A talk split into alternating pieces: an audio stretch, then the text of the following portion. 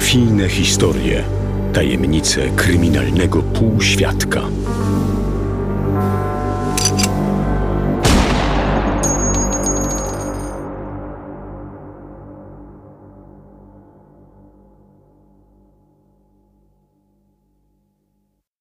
W roku 2001 jesteśmy już po wielkiej burzy, która przetoczyła się przez Polskę i oczyściła ją z największych grup przestępczych, takich jak Pruszkowska, Wołomińska czy Szczeciński Gang kierowany przez Marka M. pseudonim Oczko. Jak jednak mówiłem w poprzednim odcinku, to jeszcze nie koniec polskiej mafii i gangsterów z pistoletami za paskiem. W 2001 roku cały czas wybuchały bomby i dochodziło do strzelanin, po części wywołanych chaosem w półświadku, jaki powstał po przeprowadzeniu policyjnej operacji Enigma. W dzisiejszym odcinku skupimy się na najgłośniejszej egzekucji roku 2001, za którą stał jeden z najbardziej tajemniczych bossów nie tylko polskiego, ale i europejskiego półświadka, Jeremiasz Barański, pseudonim Baranina.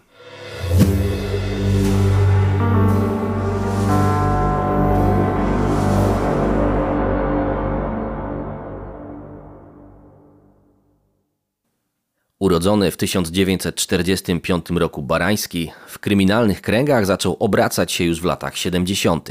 Co prawda zaczął studiować ekonomię, jednak wkrótce porzucił naukę na rzecz biznesu i kariery przestępczej. Jako cinkciarz, złodziej i przemytnik szybko wpadł w ręce perelowskich służb, które zwerbowały go na swojego współpracownika, co pozwoliło mu na dalsze prowadzenie rozmaitych przedsięwzięć. Baranina zresztą znany był z zamiłowania do współdziałania z rozmaitymi służbami. Jego szeroka siatka kontaktów oraz współpraca ze służbami polskimi, austriackimi, niemieckimi czy nawet amerykańskim FBI sprawiały, że Jeremiasz Barański w apogeum swojej kariery mógł być zaliczany do najbardziej wpływowych przestępców w Europie.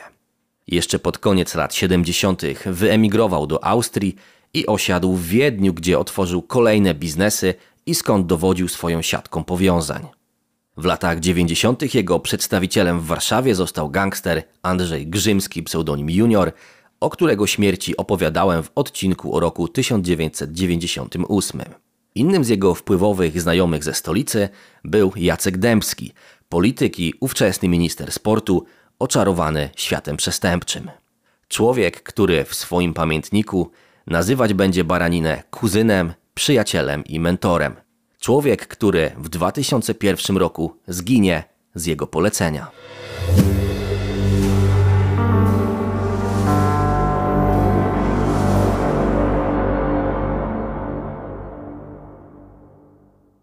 Drogi Baraniny i Dębskiego rzekomo po raz pierwszy przecięły się właśnie w Austrii.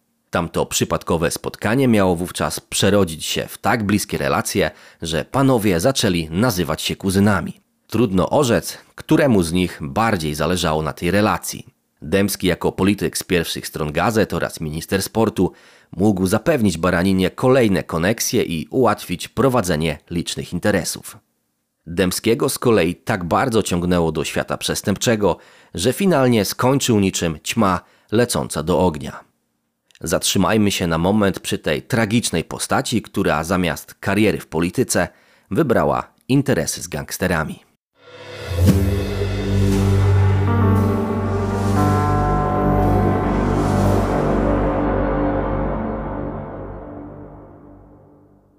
Jacek Dębski urodził się w 1960 roku w Łodzi. Do świata polityki wkroczył w 1990 roku, stając na czele łódzkiego oddziału Unii Polityki Realnej. W kolejnych latach pełnił jeszcze kilka innych ważnych funkcji, m.in. powołując do życia spółkę Empik, czy zostając dyrektorem łódzkiej wytwórni papierosów. Do polityki nie wchodził raczej ze względów ideowych.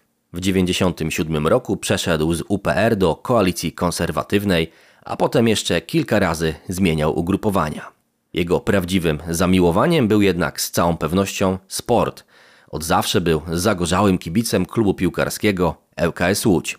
W 1997 roku jego praca i pasja połączyły się, ponieważ objął stanowisko szefa Urzędu Kultury Fizycznej i Turystyki, czyli został odpowiednikiem dzisiejszego ministra sportu. W kwietniu 1998 roku, mając za sobą poparcie zarówno kibiców, jak i całych klubów, wszedł na wojenną ścieżkę z ówczesnym prezesem PZPN Marianem Dziurowiczem.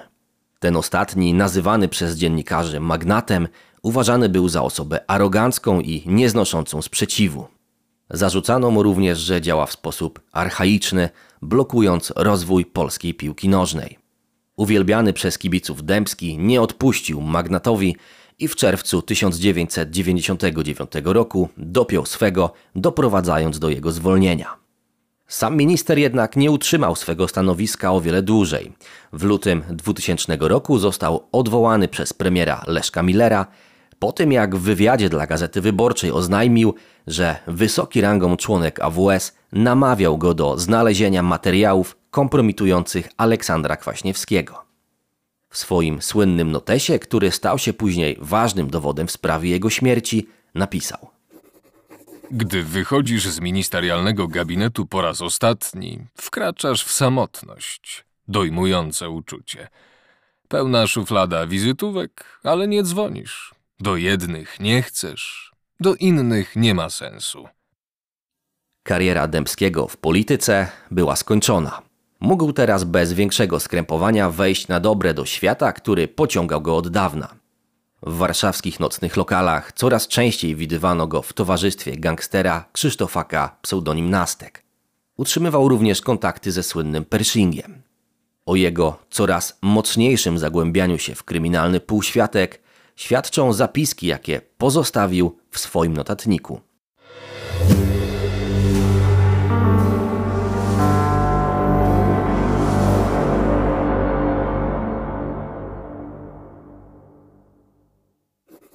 Krótkie spotkanie z Nastkiem. Dałem 400 dolarów na paczki dla zapuszkowanych chłopaków.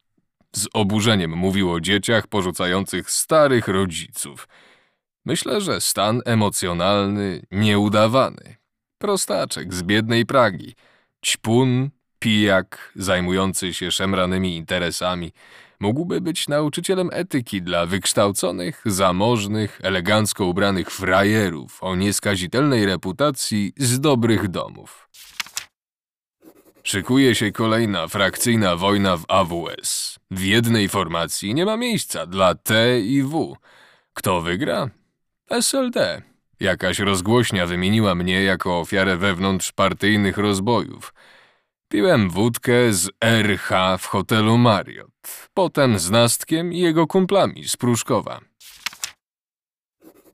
Wyjazd do Łodzi po pieniądze, w obstawie Herod Baba z Glokiem w torebce i miastowa panna też z jakimś narzędziem za pazuchą, potem kanałem dyplomatycznym za granicę. Akcja się udała i kasa z bankowej skrytki zacznie wreszcie procentować. Pożyczyłem auto na wyjazd do Austrii.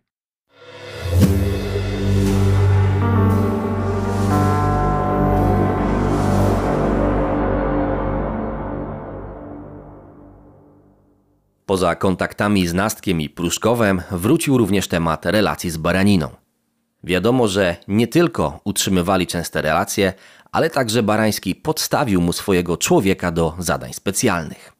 Osobą tą była Halina G., pseudonim Inka, młoda, rzekomo atrakcyjna kobieta, która miała dotrzymywać dębskiemu towarzystwa. Tak o swojej pracy dla Baraniny mówiła sama Halina G.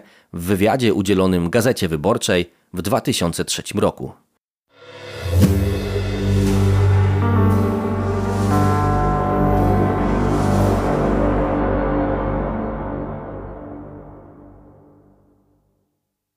Ja go tylko woziłam. Chodził po klubach nocnych, ale tam Barański też wysyłał swoich ludzi i zanim Jacek do domu wrócił, to Barański już wszystko wiedział. Z kim był, co robił, co nagadał. Jacek miał taką cechę, że jak się napił, a pił codziennie, to opowiadał historię swojego życia. Gdybym to nagrywała, to miałabym niezły materiał na książkę. Opowiadał o przygodach z łopem, o kwitach na Kwaśniewskiego. Już przy pierwszym spotkaniu opowiedział mi, jak to żona złapała go z kochanką, wleciała do pokoju z pistoletem. Zresztą Jacek też latał po ulicy z rewolwerem. Dobrze, że naboje wyjął, bo mogłaby się komuś stać krzywda. Ja go po prostu pilnowałam. Barański wolał, żeby Jacek spotykał się ze mną i opowiadał te głupoty, niż żeby chodził i naokoło opowiadał o swoich interesach. Jak się napił, to nie znał umiaru. Do mnie krzyczał: Załatw mi jakieś dziwki. Śpiewał piosenki, których nie będę tu cytowała. Zaczepiał ludzi, szastał pieniędzmi na prawo i lewo. Chociaż kiedyś ja musiałam zapłacić rachunek, bo inaczej by gary zmywali. To w Łodzi było. Pił z Janem Tomaszewskim i kimś jeszcze. I jak doszło do płacenia, ja musiałam zapłacić.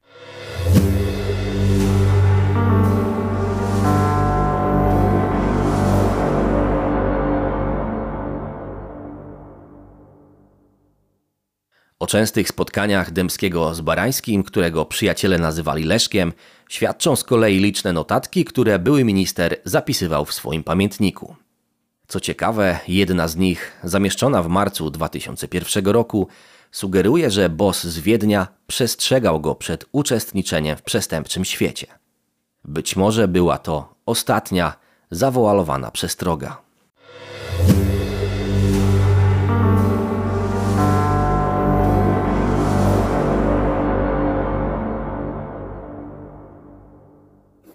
Pięćset kilometrów, sześć godzin w samochodzie. Deszcz, czeskie pola pokryte śniegiem, zimno.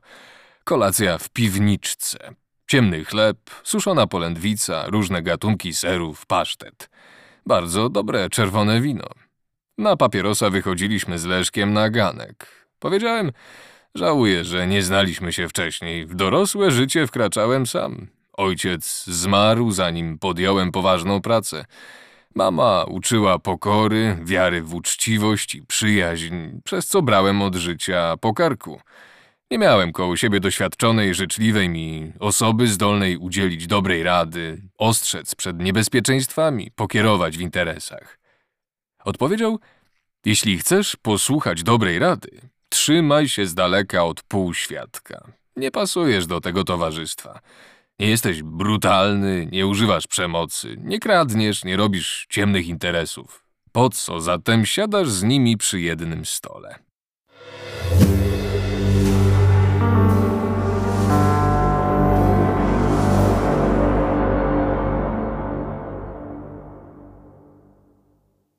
Były polityk najwyraźniej nie wziął sobie do serca rady jednego z największych przestępców w Europie.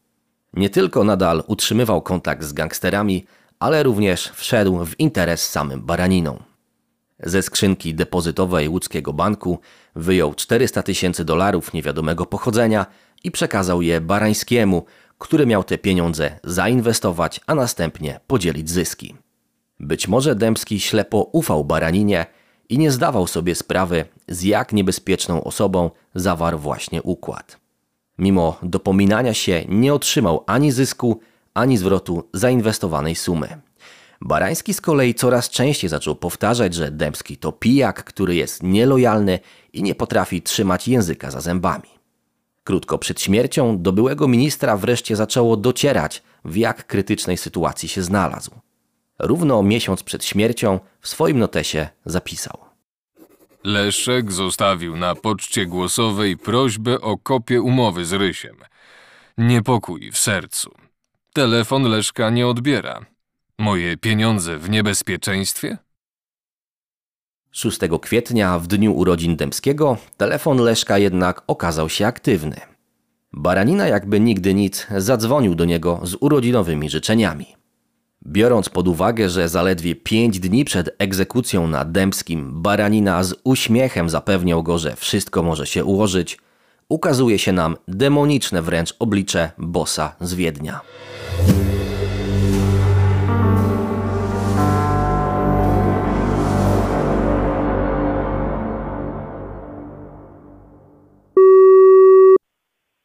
Halo.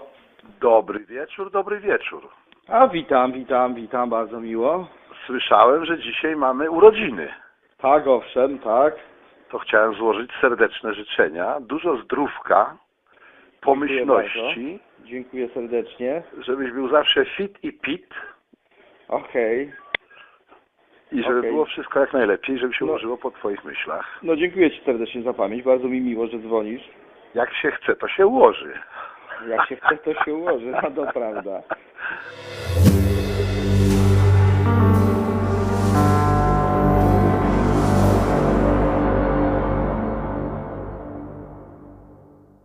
W końcu nastał ostatni dzień w tragicznej historii Jacka Dębskiego. W środę 11 kwietnia żona byłego ministra zawiozła go do hotelu Victoria, gdzie Dębski spotkał się z dziennikarzem Januszem Atlasem i działaczem samorządowym Filipem Kocem. Po godzinie 17 dołącza do nich Inka, a wieczorem wszyscy razem przenoszą się do nowej knajpy Casa Nostra, gdzie świętują niedawne urodziny Dębskiego. Serwisy informacyjne będą później przekręcać nazwę lokalu na Cosa Nostra, co znacznie bardziej pasuje do mafijnych porachunków. Jak zapamiętali świadkowie, tego wieczora Dębski prowadził wiele rozmów przez telefon komórkowy. Często rozmawiała również Inka, z tą różnicą, że gdy odbierała połączenie, udawała się w ustronne miejsce. Jak się później okaże, dostawała wówczas konkretne instrukcje od baraniny. W jednym z połączeń Barański wydaje jej polecenie, aby w ciągu najbliższych 10 minut wyszła z Dębskim przed lokal. Po zakończonej rozmowie miała również spuścić kartę SIM w toalecie.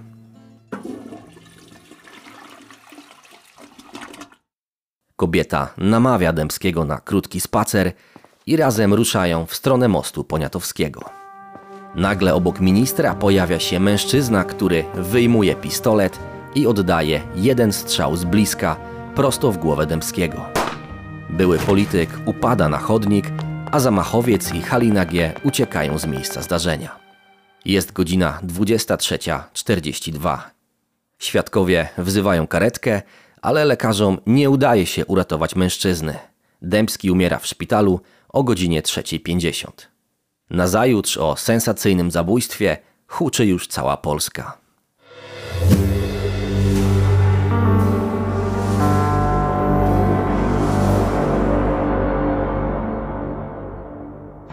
To jedyny ślad, jaki zostawił zabójca. Łuska z pistoletu kaliber 9 mm. Strzał padł w kilka minut po tym, jak Jacek Dębski wyszedł na chwilę z restauracji. Według policji morderca już czekał. Nie może mówić o przypadku, jeżeli sprawca strzela komuś głowę. Jacek Dębski był ze znajomymi, dwoma mężczyznami i kobietą. Spotkali się kilka godzin wcześniej w hotelu Victoria. Świadkowie są zgodni, że były minister nie był z nikim umówiony. Nie odebrał też żadnego telefonu. Nie wiadomo, czy wyszedł sam. Oficjalnie Jacek Dębski pisał felietony do łódzkiej prasy. Był też radnym łódzkiego sejmiku samorządowego. Koledzy podkreślają jednak, że od wielu miesięcy nie pojawiał się na obradach. Oczywiście coś było widać, że go coś, że miał taki żal, żal e, do wszystkich o wszystko. A żal miał przede wszystkim o swoją dymisję. Dębski został odwołany, gdy w wywiadzie dla Gazety Wyborczej powiedział, że wysoki funkcjonariusz AWS kazał mu w Urzędzie Kultury Fizycznej i Turystyki szukać kwitów obciążających prezydenta Aleksandra Kwaśniewskiego. Gdy sprawą zajęła się prokuratura, nie chciał jednak zdradzić nazwiska tego człowieka. Według policji, a także ministra sprawiedliwości nie ma podstaw, by łączyć tę sprawę ze śmiercią ministra. Na pewno natomiast trzeba brać pod uwagę, jak mówią policjanci, podejrzane towarzystwo, z którym w ostatnim czasie kontaktował się Jacek Dębski i równie podejrzane interesy, jakie prowadził. Marcin Pawłowski, Fakty.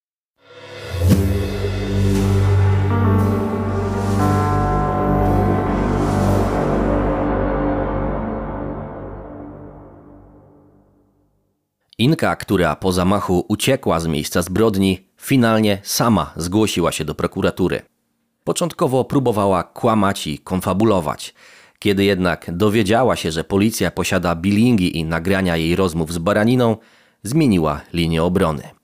Przyznała, że zleceniodawcą mordu był Jeremiasz Barański i dodała: Wystawiłam Jacka na strzał. Musiałam, inaczej skończyłoby się to moją śmiercią. Tak kończą osoby, które nie są lojalne. Wolę być w areszcie niż na wolności. Baranina został zatrzymany i osadzony w austriackim areszcie. Wciąż jednak nie znano personaliów wykonawcy egzekucji. Halina G. wyjawiła jego nazwisko dopiero po 15 miesiącach. Jak się okazało, za spust pociągnął Tadeusz Maziuk, pseudonim Sasza. Gangster, który pracował dla Baraniny jako człowiek od wykonywania brudnej roboty. Killer został zatrzymany w 2002 roku i przewieziony do warszawskiej prokuratury. Zanim zdecydowano o jego dalszym aresztowaniu, Maziuk powiesił się w celi znajdującej się w budynku sądu. Jak stwierdziła Inka, w ten sposób oddał hołd Barańskiemu. Procesy Inki i Baraniny ruszyły w styczniu 2003 roku równolegle w Polsce i Austrii. Baranina, korzystając ze swoich układów i koneksji, zorganizował sobie telefon komórkowy, przez który z celi aresztu instruował świadków, jak mają zeznawać. Jego plan jednak runął po tym, jak okazało się, że służby doskonale wiedzą o komórce w celi i nagrywają wszystkie jego połączenia. Wkrótce po ujawnieniu tej informacji, 7 maja 2003 roku, strażnik więzienny znalazł baraninę powieszonego na pasku od spodni. Jego samobójstwo wywołało lawinę teorii spiskowych, mówiących, że jego śmierci, zanim zacznie zeznawać, w jednakowym stopniu pragnęli zarówno przestępcy, jak i politycy, biznesmeni oraz służby, z którymi współpracował. Inka została skazana na 8 lat więzienia, co było najniższym wymiarem kary, jaki mogła otrzymać. Wyrok odsiedziała do końca, nie prosząc o przedterminowe zwolnienie. W kwietniu 2009 roku opuściła mury więzienia, ubrana w sportową bluzę z głęboko naciągniętym na głowę kapturem, pokazała tylko środkowy palec fotoreporterom i wsiadła do Mercedesa, Francuza, którego poślubiła w zakładzie karnym.